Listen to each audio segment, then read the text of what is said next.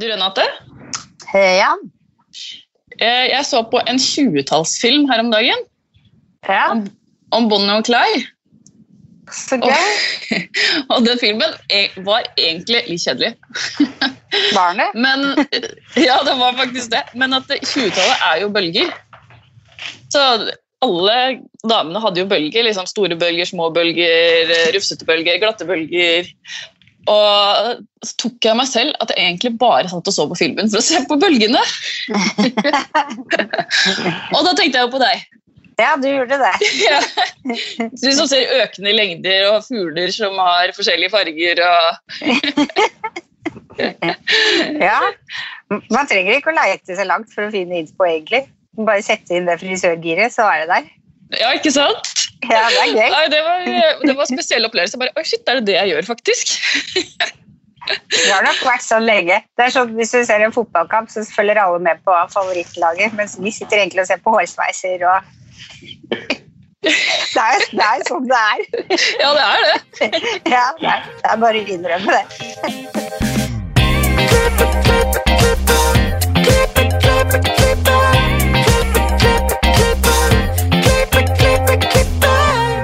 Velkommen til. Jeg heter Renate. Jeg heter Ann-Marit. Ja. Hva har du på hjertet i dag, Ann-Marit? Nei, vet du hva, egentlig veldig lite, bortsett fra å se på 20-tallsfilmer. Ja, sant. Så veldig lite å meddele fra denne kanten, altså. Men eh, hva med deg? Jo, jeg eh, For meg så surrer det opp i hodet. Det går i skolevalg og skovalg og Ja, du veit. Alt som skal skje til uka eller til lørdag, det surrer i hodet. Hva skal jeg si, hva skal jeg ikke si? Hvordan er det med billetter? Er alt på stell? Hva skjer hvis ikke, hvis ikke det går av seg sjøl? Liksom, hvordan skal vi ta det inn? Ja, det er alt. Men så veit Det jeg det går bra. Det er bak stolen du snakker om nå, ikke sant? Ja, nå Ja, er det jo finale på lørdag, så ja. ja det blir spennende.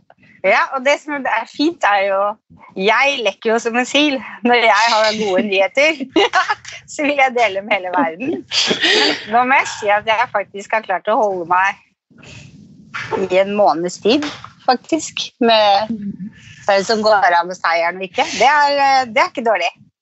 Nei, og jeg vet ingenting, og det kjenner jeg glad for, for jeg er også lekker som en sil og klarer ikke å holde på sånne ting. Nei, man vil liksom bare buse det ut. Men det er sånn Jeg er ekstremt dårlig på livet, da. Og så var det en venninne av meg som spurte Altså, det er en av mine beste venninner, som deg, typ. Ja, hvem vinner den og den kategorien? Og da hørte jeg sa at nei, det er jo ikke avgjort. det, er, det er helt vilt, for jeg er ikke noe god på sånn. Og det var jo liksom helt shameless. Det syntes ikke på meg at det ljude engang. Det var litt sånn Oi, jeg kan det. Har du plutselig kommet dit? Jeg har plutselig kommet dit og skamma meg litt etterpå, men eh, sånn er det bare. Nei, det blir, eh, det blir, det blir kjempegøy. Jeg gleder meg enormt. Ja, det gjør jeg jo. Men jeg gleder meg enda mer til dette her, nesten. Fordi vi har jo med oss en gjest i dag, vi. Og i, over, ja, og i over 30 år har Dada-frisøren befunnet seg i Bergen. Dada består av tre salonger og 24 ansatte. I dag skal vi bli bedre kjent med eieren og frisøren bak salongene. Velkommen til oss, Geir Askeland. Hei sann, takk for det. Kjekt å få bli invitert til Hårpodden. Ja, så hyggelig. Ja. Kan ikke du fortelle litt om deg selv og hvordan din frisørkarriere starta? Jo, det kan jeg selvfølgelig.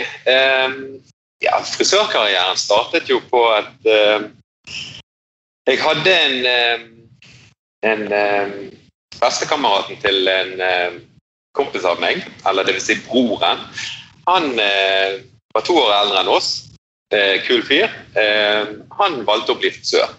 Og eh, Den gangen var jeg vel 13 år, og når jeg var og klippet meg i den salongen, så så jeg jo eh, hvilket miljø det var der, og plutselig så gikk det opp for meg et, eh, hva jeg hadde lyst til å gjøre. Så da gikk jeg rett hjem, 13 år gammel, og sa til mine foreldre at eh, jeg skal bli frisør. Og eh, de var jo litt sjokkskadet, da, for jeg var ikke akkurat en sånn glad skolegutt, for å si det sånn. Jeg var, eh, jeg var der fordi jeg måtte være der på skolen. Så eh, plutselig hadde det gått et lys opp for meg. Og da eh, eh, kom eh, min far ganske skeptisk, og så sier han liksom at eh, ja, er du sikker på dette her, gutt? Og dette her var jo på 70-tallet eller sent 80-tallet. Så de, han og min mor de ordnet meg en plass på en salong i Bergen som het Pinky.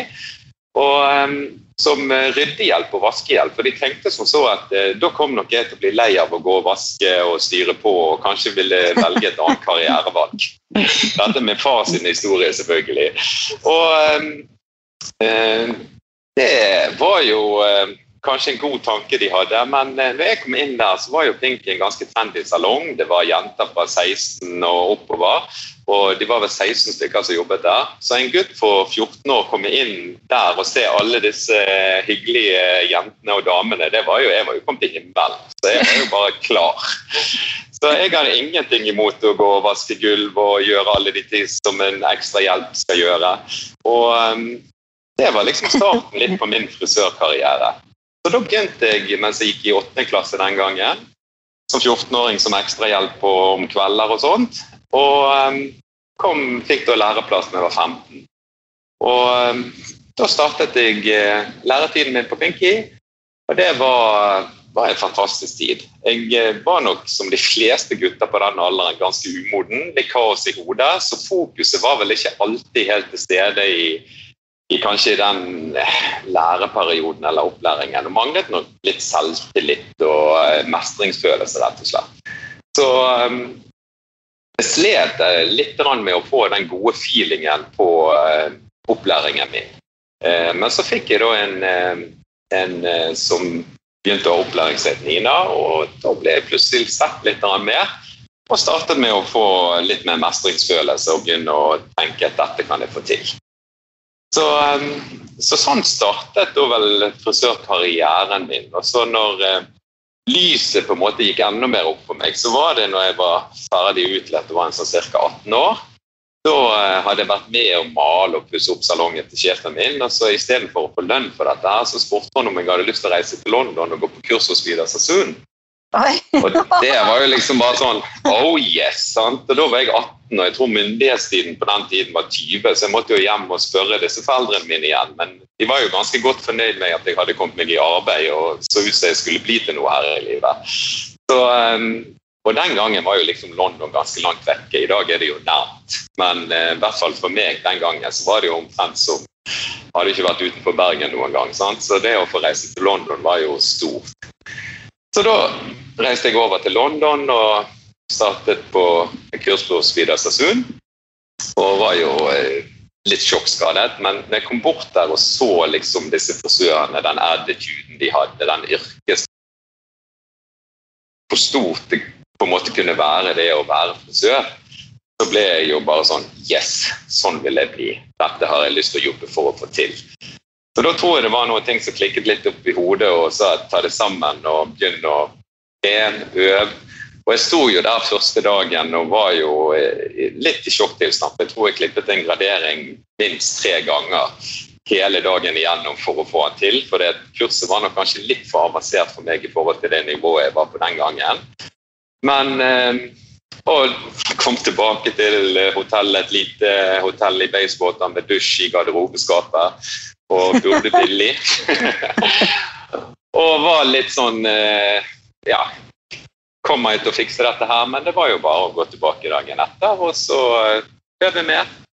Så jeg kom hjem med en virkelig motivasjon for å ønske å hva skal jeg si, lykkes eller mestre frisørfaget. Så, eh, så, det var litt sånn hvordan min frisørkarriere i utgangspunktet startet. og Siden har jo det, så jobbet jeg der i ti år, og så da etter hvert så startet jeg opp eh, egen salong. og Det var jo Eh, spennende tid. Og det har jo gitt meg så utrolig mye i livet, og så takknemlig for at jeg havnet på rett plass eh, ut ifra de tingene som jeg liker å jobbe med, og de tingene som jeg kanskje føler jeg er god på. Og Det har jo gjort at jeg har fått jobbe som konsulent og vært i NRK og i nye serier og gjort mye forskjellig i livet som jeg nok kanskje ikke hadde opplevd i andre yrker. Da var det ja. det er wow. fantastisk. Men da var det Sasun liksom, som gjorde at du hadde lyst til å nå skal jeg begynne å trene og bli en skikkelig god frisør?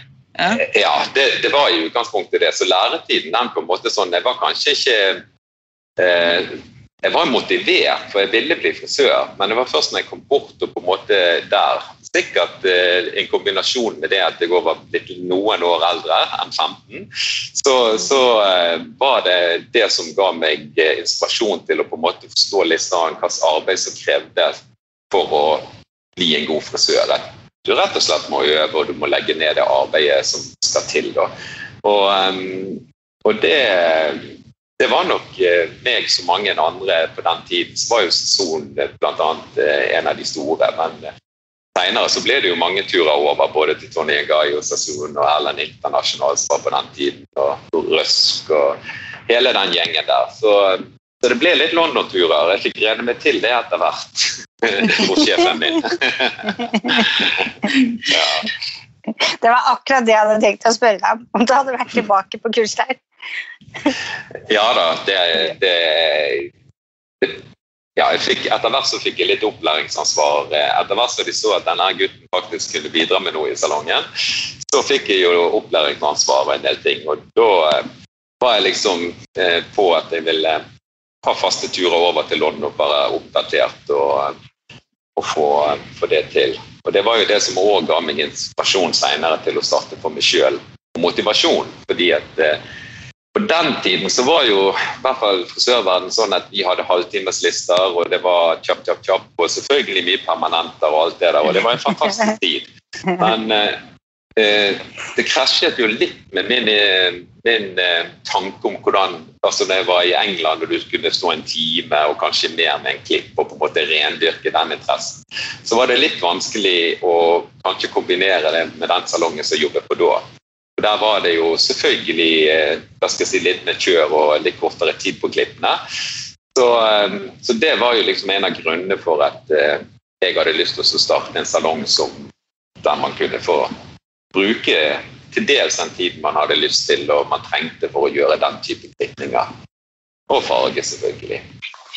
Jeg må bare spørre om en ting Da for da har du vært på Sasun på 80-tallet. Viste den permanenter da, eller hadde de de der rette frisyrene sine? Ja, de hadde mye av de rette. Det gikk eh, en god del i det. så det var ikke, og, Men det kom jo litt an på hvilken kurs du meldte deg på. Sant? Så jeg var jo liksom på klippekurs. Det var det som jeg hele tiden, og som er min store passion. Så så det var det jeg endte opp med. Men selvfølgelig så var det jo en del permanenter og den tiden eller som Sasuno de gjorde, og de gjorde det jo veldig spennende. Sant? Vikleretninger og tenkte mer eh, klipp og eh, permanent. Eh, hva kan permanenten gjøre for en klipp? Sant? Hvordan kan man bygge opp med volum og tekstur og alle disse tingene. Eh, hjemme så var jo vi litt mer vant til at eh, Det var litt mer Dolly de luxe. Det var litt mer eh, Det skulle jo helst være striper og permanent samtidig, sånn at håret sto av seg sjøl. så vi frisører sto jo der og sånn Nei, nei, nei, det går ikke. sånn.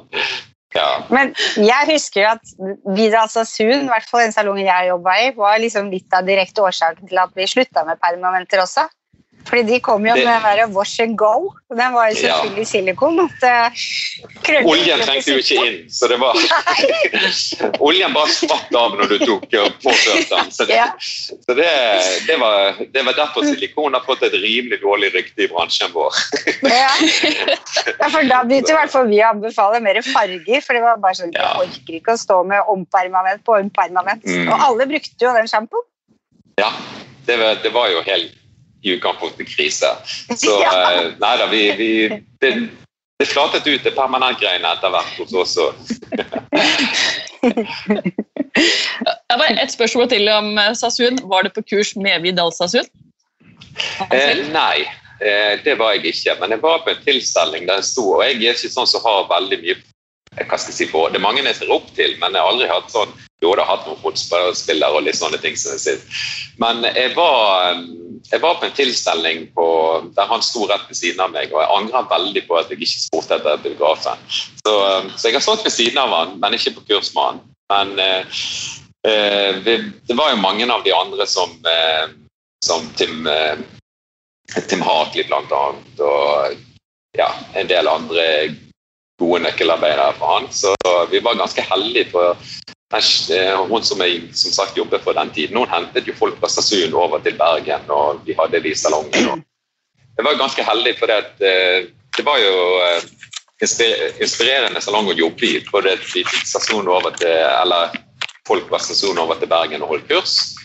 Så, så det var, var, en fantastisk spennende tid. Og fra den tiden så var jo liksom um, det skjedde jo veldig mye, som du sa, i forhold til dette her med permanent og alle ting. Sånn. Så, så jeg, var, jeg, følte jo meg veldig heldig som kom inn i frisøryrket. på en måte. Du fikk litt av det gamle, og så fikk du være med litt på den nye riden. Sant? Og jeg kom jo midt inn i denne punketiden, så all fargeteorien min har jo jeg i utgangspunktet lært med å gjøre feil. Altså Om du blander gult og blått, så blir det grønt. Så var det liksom sånn Ja, ja, men kult, det. sant? Og eh, eh, ikke minst eh, ja, de hadde jo ikke gelé. Altså, jeg kom jo hjem med ti tuber gelé i kofferten de, for å få håret til å stå opp. Sant? Så det er jo en ganske rart når du har eh, levd så lenge i frisørverdenen og tenker på at vi ikke hadde gelé når jeg startet i frisøryrket. Så, eh, så, det er jo Ja, det har vært en spennende reise. Ja, det vil jeg tro. Men så starta du Dadda. Hva er konseptet til Dadda? Ja, altså jeg startet da, jeg startet opprinnelig noe som het Kick eh, i, eh, på slutten av, eh, av 80-tallet. Eh, og så hadde vi et navneskifte i 2007 som ble til Dada. og Da fikk jeg inn en kompanjong som nå er med og driver. Så vi er to stykker i utgangspunktet. Men det var som sagt meg som startet det. Og nå konseptet Dada, det er eh, Altså Konseptet vårt er egentlig folkene våre. Eh, konseptet er at det er en plass der du kan være deg sjøl. Utvikle deg som. Eh, og at vi ønsker å være en støttespiller for å være med og utvikle den gjengen som vi har. Så vi vil at folk skal på en måte lage sin merkevare i butikken. At hver og en på en måte blir en merkevare innenfor Dada. Og så eh, har vi alltid vært involvert i musikk og kultur og konserter. Vi har bl.a. arrangert nye konserter i, i salongen. Sant? Vi hadde før Røyksopp egentlig slo igjennom, så spilte de faktisk i salongen vår, eh, et par av de gutta. Og så når jeg kom over til London 14 dager etter, og de, dette var det hotteste de spilte over høyttaleren, så kunne jeg si ja, de spilte i salongen vår for en to uker siden. ja, for, for, de kommer jo fra Bergen, de? Ja, de kommer vel fra Nord-Norge, men de har jo base i Bergen, da. Eh, dette er jo ganske lenge siden. Så, så, vi har på en måte alltid eh, vært interessert og jobbet mye med det. Sant? Jeg reiste masse rundt med dette er jo 100 år siden med Tomboy når de var store, sant? og jobbet med Toril og, og den gjengen. Så vi har egentlig alltid vært mye involvert i kultur og, musikk, og det er på en måte det som gir oss en slags identitet. Også. Så vi kjører bakgårdsfester og arrangerer mye, og det er jo en form for ja, markedsføring, men samtidig òg det det som gjengen vår liker å holde på med. Gøy. Ja, det høres veldig gøy ut. Hvor, er, hvor kommer navnet Dada fra? Nei, Dada kommer fra Det var jo en liten sånn rar greie det da når vi skulle gå over og skifte navn, da. Men eh, det kommer Dadaisme er jo på en måte en, en, kunstform som er ganske sprø i utgangspunktet. Der du f.eks. har et bilde av Mona Lisa, og så tar man et tegner bart eller gjør noe helt eh, annet med henne. Sant? Og i, i, det så ligger på en måte litt Dada-navnet. Så, og så var det lettfattelig. Jeg liker jo korte, lette navn. Så så det er der inspirasjonen fra navnet kommer fra, rett og slett. Gøy. Det er jo tre salonger i dag. Ja, vi er tre salonger, så har vi åpnet en liten barbersalong i tillegg, eller en herresalong. Ja. Ja. ja det, det, er jo det som er i tiden nå, barbersalonger. Ja, det, vi har laget en litt mer eh, Jeg kaller det ikke en brun eh, barbersalong. Vi har mer laget en, eh, en hvit barbersalong. Så mer en herresalong, rett og slett. Så, så, det har vi laget i, i det første lokalet som jeg startet i, faktisk. Så, og den heter Dada, den òg? Ja, den heter Dada Barberen, eller herresalong. Ja. ja. Så da har du fire salonger, da? Da har vi fire salonger, ja. Jeg har en, litt, eh, jeg har en eldre sønn som jeg måtte få litt eh, inn i dette her greiene òg. Så, da vil ville han eh, holde på med den barbergreien. Så da, Ja. da, sendte han, da sendte jeg han til London et halvt år. Når han omsider var rast fra seg litt. Så, så han trives kjempegodt og, og jobber der inne. Ja. Ja, det var jo kjempekoselig å ha familie og jobbe sammen med. At barna dine vil også det. Ja, det, jeg har jo en del ut av det, holdt på å si, men vi, jeg syns det er utrolig kjekt at han omsider skulle finne noe som han eh, trives med. Så, eh, så det har vært en, eh, en bra greie. Absolutt. Da må jeg spørre, hvor mange barn har du? Ja, det, jeg, har, jeg har fire barn. Ja, så gøy! Ja. Ja, ja, ja. Ja. Og hvor mange av dem er frisører? Det er bare han. Ja, Han, okay. Ennå, ja. Nei da, det ser ut. Vi får se. Eh, Blir det, blir det flere salonger, eventuelt andre byer? Nei, vi tror ikke det. Men du skal jo aldri si aldri. Sant? Eh, Vi føler at vi har veldig base i Bergen og i eh, Bergen sentrum. Eh, Og vi føler at vi Nå har vi gjort disse tre salongene eller fire salongene så lenge at vi kan driften på det. Så, så vi har ikke Vi har jo lenge tenkt skulle vi utvide, gå opp i større, gå ut til sentre, andre byer. Men vi trives med det vi har. Og så er det jo litt det der eh, Noen sier jo 'expand or die', liksom. Sant? Men eh, vi har jo vist over tid nå at eh, det går fint an å være en hva skal vi kalle det, en mellomstor, liten bedrift. Og da har vi veldig kontroll på Vi kan gå mellom salongene, så vi har god kontakt med alle de ansatte. og sånn, Så vi slipper på en måte å Jeg er jo redd for å plutselig ende opp med å administrere altfor mye. Sant? Det var derfor jeg måtte finne en kompanjong som kunne ta seg av den biten, sånn at jeg kan bruke tiden min på å være frisør. Smart. Hva, hva vil du si er den største utfordringa som man kan oppleve som salongeier, eller som du har opplevd? Nei, Den største utfordringen, det er jo eh, Altså, jeg, jeg, Nå drar jeg litt på det. Nei, altså, jeg, tenker, jeg tenker jo at for, altså, Min utfordring var egentlig å skaffe kapital den gangen jeg ville begynne salong.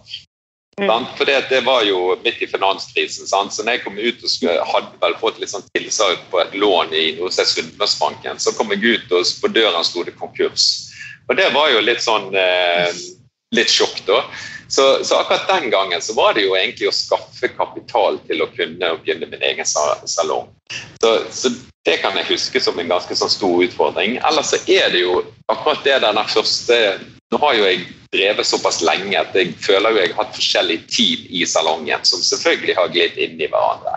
Men det å miste de første nøkkelpersonene, eh, det føles ikke som en hva skal jeg si, et brudd, en slags form for skilsmisse. Så, så det er vel kanskje det som eh, jeg syns har vært en utfordring, akkurat det. Og så ser man jo da etter hvert som det oppstår sånne ting, så eh, er jo forandring kanskje ofte noe som fører til det bedre. At det er andre som kommer opp og får skinne litt med å ta ansvar. Så eh, etter hvert så ser man jo det at eh, noen ganger så skal folk videre. Det er kanskje sunt at det skjer en, eh, en en forandring i salongen som faktisk eh, kan bli ja, til det bedre. Mm. Mm. Men er det sånn at da de første nøkkelpersonene går, så er det liksom fordi det er første gang du opplever at de går, liksom? Ja, det er jo definitivt det. Sant? Og du Mm. kan si at eh, Nå var jo forholdsvis ung da jeg startet, så du blir jo en sånn vennegjeng som nesten går på byen i lag og gjør alle disse tingene som er, er gøye i den eh, driftperioden. Så, eh, så eh, det er nok det som skjer, og da føles det mye mer personlig eh, de første gangene. Ja, Det samme det første, det første bruddet er jo ganske tøft, det òg, ikke det? ja sant det.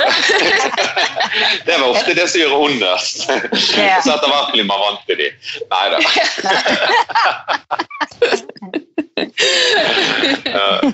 Nei, det, det, det er nok noe med det. Men det er klart at eh, ja, så er det jo mange utfordringer i forhold til å lære seg business og alle disse her tingene her som eh, livets skole, kan du si. Jeg har jo ikke akkurat studert verken økonomi eller drift eller de tingene.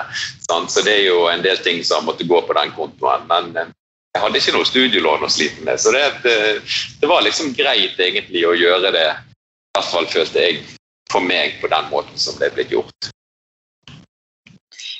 Hva er det beste med å være frisør, da? Nei, Det beste det er jo å eh, få lov å utøve et fag, et yrke, eh, etter hvert som man er blitt trygg på, på faget sitt. Og så er det jo det å få jobbe med mennesker, eh, betyr noe. Eh, for det betyr ganske mye for eh, disse kundene som kommer inn. Og det skal jeg si at eh, jeg føler jo ikke jeg har kunder, det er jo personer som kommer inn i salongen. Eh, så det å få lov å, å utøve et yrke og gjøre folk glad og bety noe, det syns jeg er definitivt det beste. Og så ikke minst det å få lov å være kreativ og eh, alltid kunne søke etter ny inspirasjon, være i utvikling. Det syns jeg er helt fantastisk. Har du et favorittområde i faget ja, for, som du liker? For meg så er det jo eh, klipp og farge. Det er liksom det jeg, eh, det brenner mest for. Jeg, eh, det har alltid vært min passion. Jeg startet med klipp, og etter hvert så ble jo jeg veldig interessert i farge. Og eh, det, det syns jeg er veldig spennende nå. Det har jo som sagt jobbet en del som konsulent og få lov å dytte inn i den biten med med å jobbe med fargeteori og uh, sitte seg inn i det, syns jeg er utrolig spennende. Så, så, det er liksom, Men jeg har jo måttet gjøre andre ting. Jeg har jo, har jo stått på scenen en gang og faktisk fått opp, oppsetningskurs uh, sammen med en god kollega som jeg jobbet med som konsulent, som heter Dag Gustavsen. Og det, Han er jo ekstremt god på oppsetning og konkurransefasering og alle de tingene. Og Jeg trodde at vi skulle Da pleide jeg å holde klipp på fargekurs, og så hadde han oppsetning på scenen. Eh, men så kom vi på en plass, og der var det bare oppsetning. Og der sto jeg. Hva gjør vi nå? Så jeg sa beklager. Og han var sånn Det går så bra. sant?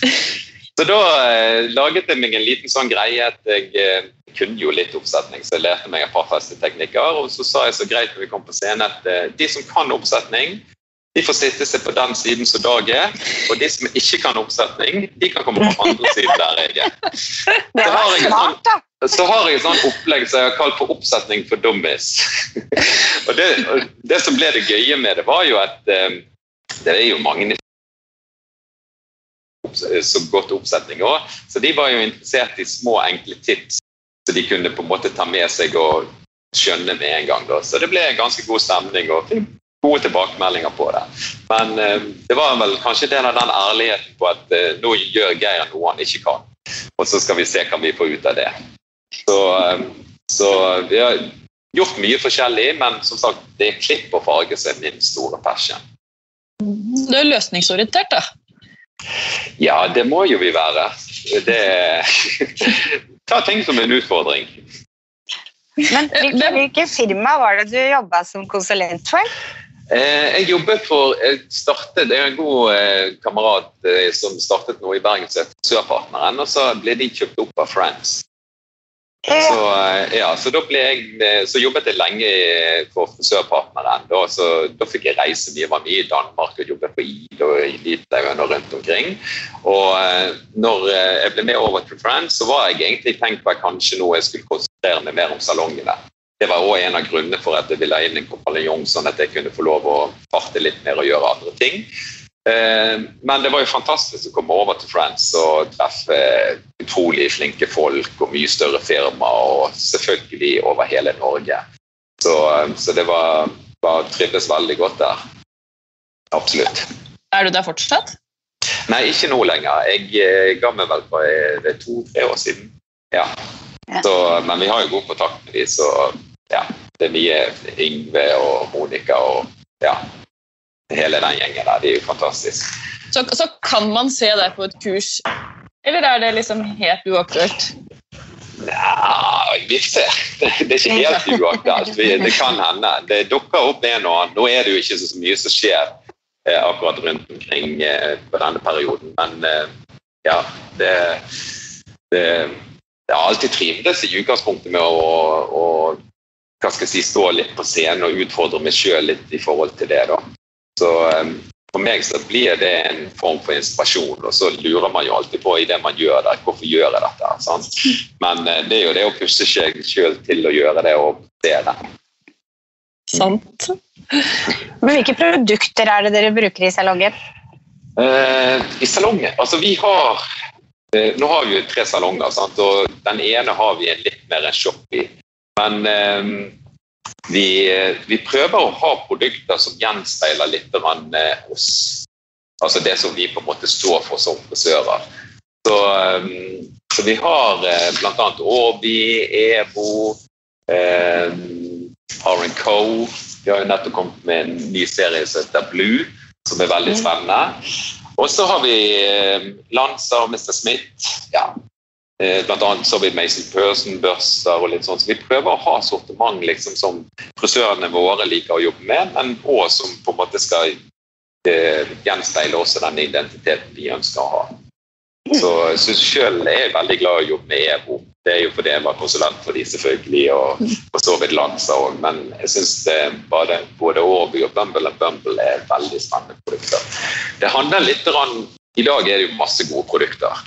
Så det er liksom, Hvis man begynner å lese på innholdet her, liksom, så, så, ser man jo på en måte at, uh, hva de inneholder. Men det handler vel noen som folkene bak produktene ofte hvilken identitet de har, hva er det signalet er det de gjør, hvordan forholder de seg til bransjen. Det syns jeg er viktig. Mm. Enig. Du har jo vært frisør eh, en god stund nå. Har du kunder som fortsatt, har du kunder som fortsatt er med deg, som har vært med deg fra starten av? Ja, jeg, eh, jeg, har jo det. Og det er liksom når du sa det, Jeg var oppe på yrkesskolen og skulle presentere oss, og da spurte jeg de, hvor lenge tror dere jeg har jobbet som frisør, for lærerne vil gå frem litt av dette her, det går an å bli gammel i yrket. Det var jo ingen som turte å si noe. Så jeg måtte bryte av og si er det mer eller mindre enn to år. Da uh, tok de det. Så um, Nei, altså jeg har jo kunder selvfølgelig som har fulgt meg faktisk ganske lenge. Og det er jo litt morsomt når kunder kommer og sier til meg at de er den mannen de har hatt lengst forhold til i livet. Så, så, så, det er jo får vel egentlig ta seg kompliment, da. Så ja da, jeg har faktisk kunder som har vært med meg eh, nesten hele veien fra læretiden min, faktisk. Så det er jo ganske spesielt. Og utrolig hyggelig. Ja, det blir sånn, Er vi venner, eller er, er du kunde? ja, det er jo akkurat denne biten der. Men jeg pleier å si jeg tror nok at uh, mange av disse hva skal vi si, kundene våre er mer venner med oss enn de kanskje er med dem. Mm. Ja, altså, det, det, kan høres litt sånn uh, kan komme ut feil, men jeg mener på en måte at vi som frisører vi skal også beskytte, ikke beskytte oss, men vi skal vite hvor hen vi går. For vi er jo uh, profesjonelle i forhold til å jobbe med mennesker. Mm, enig. Det er noe man bør liksom tenke på ganske tidlig, vil jeg si. Ja, jeg syns det. For idet det blir for sterkt Selvfølgelig så får man venner og kan treffe folk og sånt, men eh, hvis det blir bare venner, så tror jeg at eh, det, jeg tror det er lurt å ha litt avstand på det. Eller være bevisst på det, som du sier, ganske tidlig. Mm. Mm. Vi har noen faste spørsmål også, vi. Mm. er du klar? Ja vel. Ja, ja, ja. ja. har du noen tips til frisører som vil opp og fram? Ja, det har jeg jo. Eh, det er jo det at de må være villige til å legge ned den tiden og trening som skal til for å bli god. Eh, og så må du skaffe deg på en måte den store verktøykassen med å kunne, selv om du f.eks. er god på herreklipp eller farge eller langt år, så må du på en måte lære deg hele spekteret i faget vårt. Egentlig bare følge opplæringsplanen, men altså virkelig gå inn og jobbe på det. Og så må du eh, komme deg i eh, en plass der, det er, der du ser at du får den opplæringen og den kompetansen som du vil. Eh, og så må du rett og slett være villig til å legge ned arbeid. Du må litt tenke så dette her, nå skal jeg bruke de årene jeg har hvis du er ung, da, til å investere i utdanningen min. Det kan ikke bare være gøy, det skal være gøy, da blir det mye kjekkere. Men du må faktisk være villig til å faktisk legge ned den tiden det tar for å bli god. Veldig enig. Hva inspirerer deg? Det som inspirerer meg nå, det har jo vært veldig mye forskjellig opp gjennom tiden, selvfølgelig, sant? fordi man går gjennom faser. Men akkurat nå så inspirerer det meg Det er jo kollegaene mine. Altså, det, jeg må jo være såpass ærlig å si når jeg ser en av disse ungdommene gjøre en kul farge eller en god klipp, så begynner det å nøkke litt. og liksom, Nå må du ta det samme, Geir. Sant? Dette har du. Nå skal jeg gjøre en god klipp. Nå skal jeg eh, eh, levere noe som, som viser òg. Så, så, jeg blir veldig inspirert av kollegaene mine, og selvfølgelig, som vi snakket om, dette her med å treffe andre frisører og, og snakke med dem eller se de jobbe hva de jobber med. Det kollegaene er vel det som inspirerer meg mest. Hvis du kunne forandra på noe som helst i frisørbransjen, hva ville det vært? Og i, i, bransjen Altså, jeg vet ikke om det er forandring, men jeg skulle ønske på en måte at man eh, eh får få frem enda mer den yrkesstoltheten av å være frisør. Det er på en måte å, å liksom stå inne for det du skal ta betalt. Eh, eh få opp standarden som det frisøryrket er. At ikke vi bare klipper over med hermetegn, liksom. Men det å være frisør er så mye mer. Eh, så det skulle jeg ønske at bransjen klarte å få enda mer eh, frem. Og selvfølgelig at vi da fikk opp eh, både priser og lønninger og sånt. At vi får den stoltheten som faktisk eh, det er å være frisør. Og jeg mener det. Veldig bra svart. Jeg er helt enig. Hvor finner lytterne deg på sosiale medier? Ja, det var det, da. ja, sånn Privat så er jo jeg selvfølgelig er jo jeg eh, på Facebook, men det går jo mye på Dada sine sider. Eh, og der eh, har jeg heldigvis folk som kan være med og hjelpe meg når jeg står fast. Men det er på Instagram, stort sett. Så stort sett er det på Dada sine sider på Instagram det blir lagt ut ting. Og selvfølgelig Facebook vi har inne på TikTok og noen av disse her òg, men der er ikke jeg. Så jeg holder meg til de to. Det holder sikkert i massevis. Tusen, tusen takk for at eh, du ville fortelle din historie og inspirere oss. Og, og jeg er helt blown away. Det var veldig kjekt å være med. Utrolig hyggelig. Og følg oss gjerne på våre sosiale medier. Og gi oss stjerner på iTunes, så høres vi neste uke. Ha det!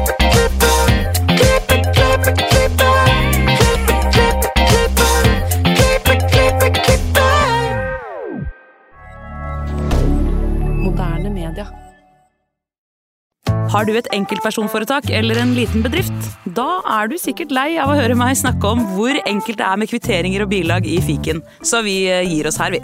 Fordi vi liker enkelt. Fiken superenkelt regnskap.